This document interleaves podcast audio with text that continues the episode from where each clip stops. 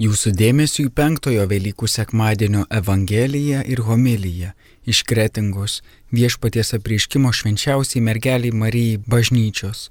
Homiliją sakys brolis pranciškonas Juozapas Marija Žukauskas.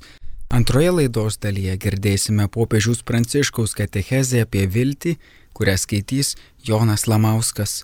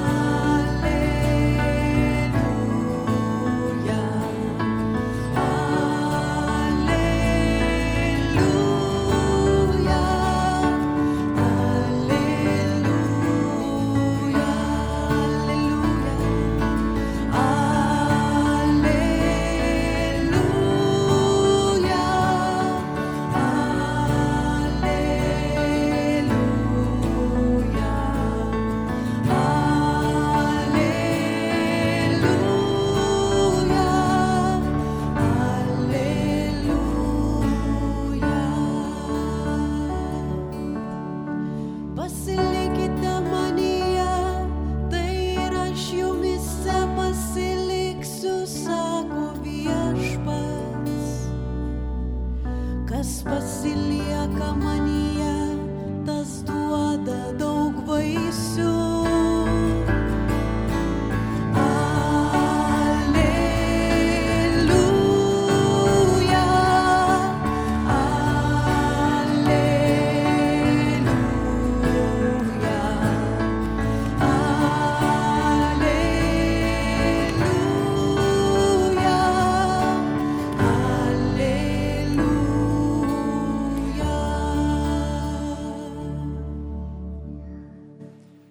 Viešpats su jumis. Pasiklausykite Šventojios Evangelijos pagal Joną. Anu metu Jėzus kalbėjo savo mokiniams. Aš esu tikrasis vynmedis, o mano tėvas vynininkas kiekvieną mano šakelę neduodančią vaisiaus jis išpjauna, o kiekvieną vaisingą šakelę apvalo, kad jie duotų dar daugiau vaisių. Jūs jau esate švarūs dėl žodžio, kurį jums kalbėjau. Pasilikite manyje, tai ir aš jumise pasiliksiu Kaip šakelė negali duoti vaisiaus pati savęs, nepasilikdama vynmedyje, taip ir jūs be vaisiai nepasilikdami manyje. Aš esu vynmedis, o jūs šakelis. Kas pasilieka manyje ir aš jame, tas duoda daug vaisių. Nuo manęs atsiskyrę jūs negalite nieko nuveikti. Kas nepasiliks manyje, bus išmestas laukan ir sudžius kaip šakelė.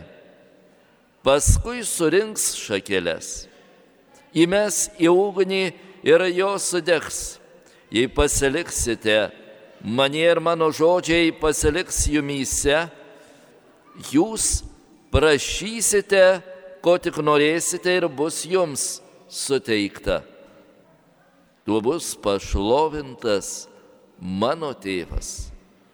Kada jūs duosite gausių vaisių ir būsite mano mokiniai. Girdėjote viešpaties žodį.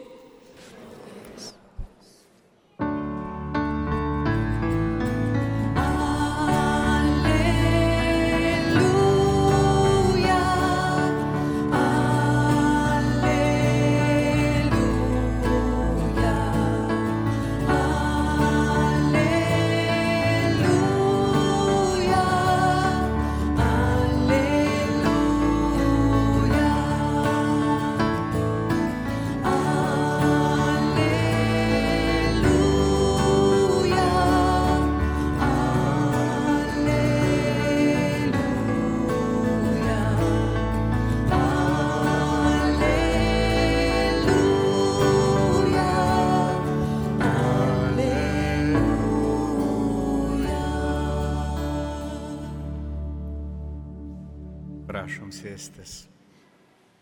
Taigi šiandien Evangelija mums pristato dangiškai tėvą.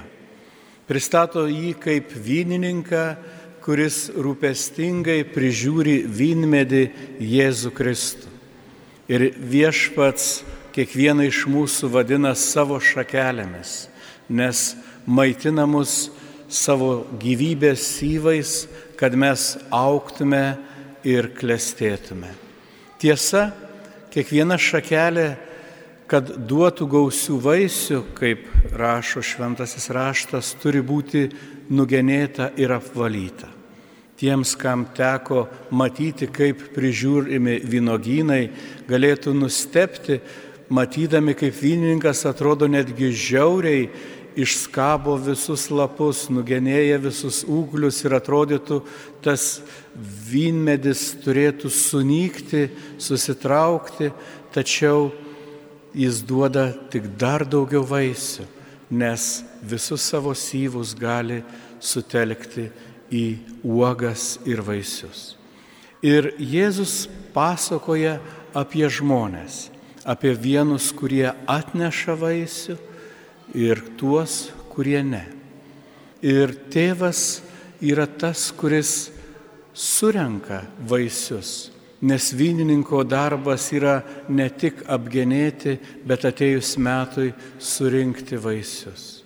Ir Jėzus perspėja apie liūdną dalį tų, kurie atsiskirs nuo jo, nes netekę iš jo einančių gyvybės syvų žmonės sudžiūna arba Perspėja ir apie tuos, kurie tik augina gražius lapus, kurie stengiasi puikiai atrodyti, tačiau atėjus metui neduoda vaisiaus.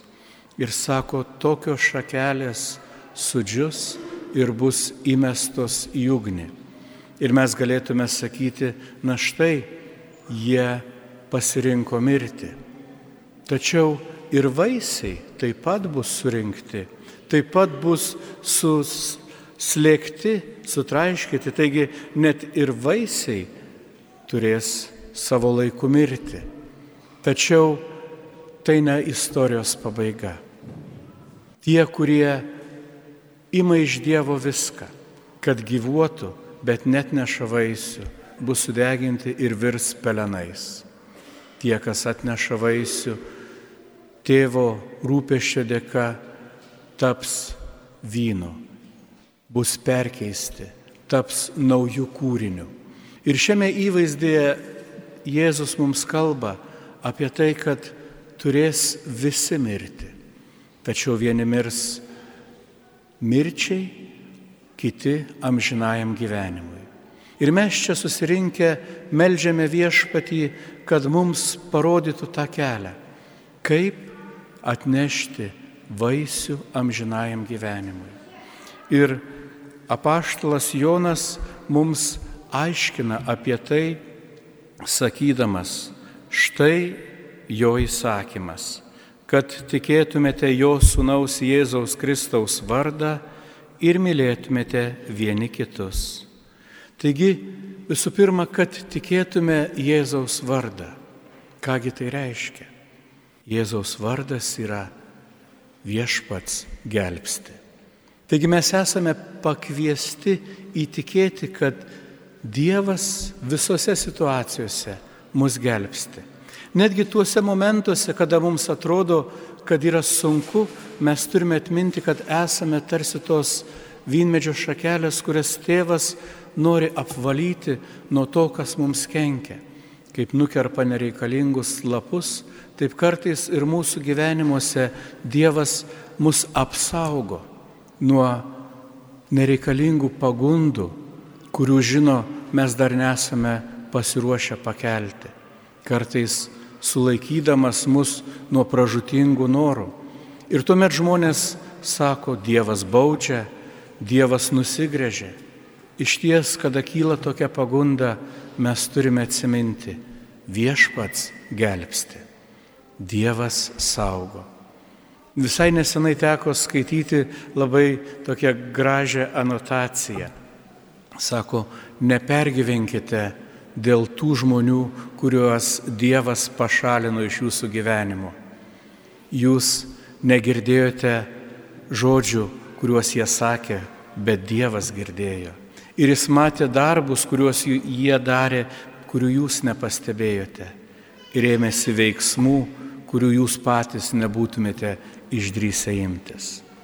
Viešpats iš tiesų siunčia teisingų žmonės mūsų kelyje ir pašalina kliūtis iš mūsų išganimo kelio. Tad net didžiausius iššūkius primkit kaip mylinčio tėvo rūpesti jumis, kad atėjus metui iš ties duotumėt gausių vaisių. Ir šiandien motinos dieną negali net kreipti dėmesio, kad ir motinos yra kaip tie vynmedžiai, kurios maitina savimi savo vaikus. Ir kokia bebūtų motina, gera ar bloga, kiekvienas vaikas visuomet jo šauksis ir ilgėsis. Netgi vaikų namuose augantis vaikai, kurie galbūt niekada nematė ir nepažino savo motinų, ištikti pavojaus ar bėdos ar užsigavę, šaukia vieną žodį - mama kaip dar labiau tie, kurie patyrė motinų meilę, gali džiaugtis turėdami tą, kuri jais rūpinasi, juos myli. Ir visiškai nesvarbu, ar mūsų motinos dar yra su mumis, ar jau esame jas palidėję jiem žinybę. Vaikų širdyse motinos meilė visuomet išlieka. Visuomet išlieka ilgesys ir troškimas būti kartu. Lygiai taip pat ir kiekvieno iš mūsų gyvenime buvo nutikęs tas momentas, kad mes turime motiną. Nei vienas iš mūsų nesame be motinos. Tačiau buvo laikas, kada Dievas, Dievas, kuris atrodo visą turi, yra visagalis, neturėjo motinos. Įsivaizduojat, Dievas neturėjo motinos iki to momento, kol gimė mergelė Marija. Ir kiekvienas iš mūsų, jeigu galėtume nuspręsti ar pasakyti, kokia yra mūsų mama, mes aišku, sakysime, kad pati geriausia ir nuostabiausia. Ir jeigu galėtume dar pridėti kažką, duotume jai geriausias savybės, kokias galėtume sugalvoti. Tai Dievas turėjo tą privilegiją pats sukurti savo motiną. Ir todėl mergelė Marija mums yra iš tiesų tobulos motinos pavyzdys, į kurį gali lygiuotis visos motinos, prašydamos išminties ir pagalbos, kaip auginti savo vaikus, kaip juos mylėti, kaip juos auklėti, kaip jais rūpintis. Ir Jėzus mums yra nuostabus pavyzdys, kaip mylėti savo motinas. Jis netgi mirdamas ant kryžiaus paskutiniuoju savo todusiu rūpinasi savo motiną, pavesdamas ją rūpintis savo mylimai mokinį Joną, kad ji neliktų be globos. Tad šiandien, kada dėkojame Dievui už savasias motinas, padėkokime viešpačiui ir už mergelę Mariją, motinų motiną, kurią jis mums paliko kaip globėja ir užtarėja Per jos užtarimą melskimės už mūsų mamas, prašydami Dievą, kad visos jos už savo meilę rūpesti būtų surinktos danguje, kur galėsime vėl ją susitikti, apkabinti kaip čia apkabiname žemėje, taip ir ten amžinybėje. Dievas tegul laimina ir atlygina kiekvienai motinai, kiekvienai močiutėjai kiekvienai proseneliai, kurios savo meiliai rūpesti perdavė iš kartos į kartą ir kurių dėka mes šiandien galime melstis ir dėkoti Dievui.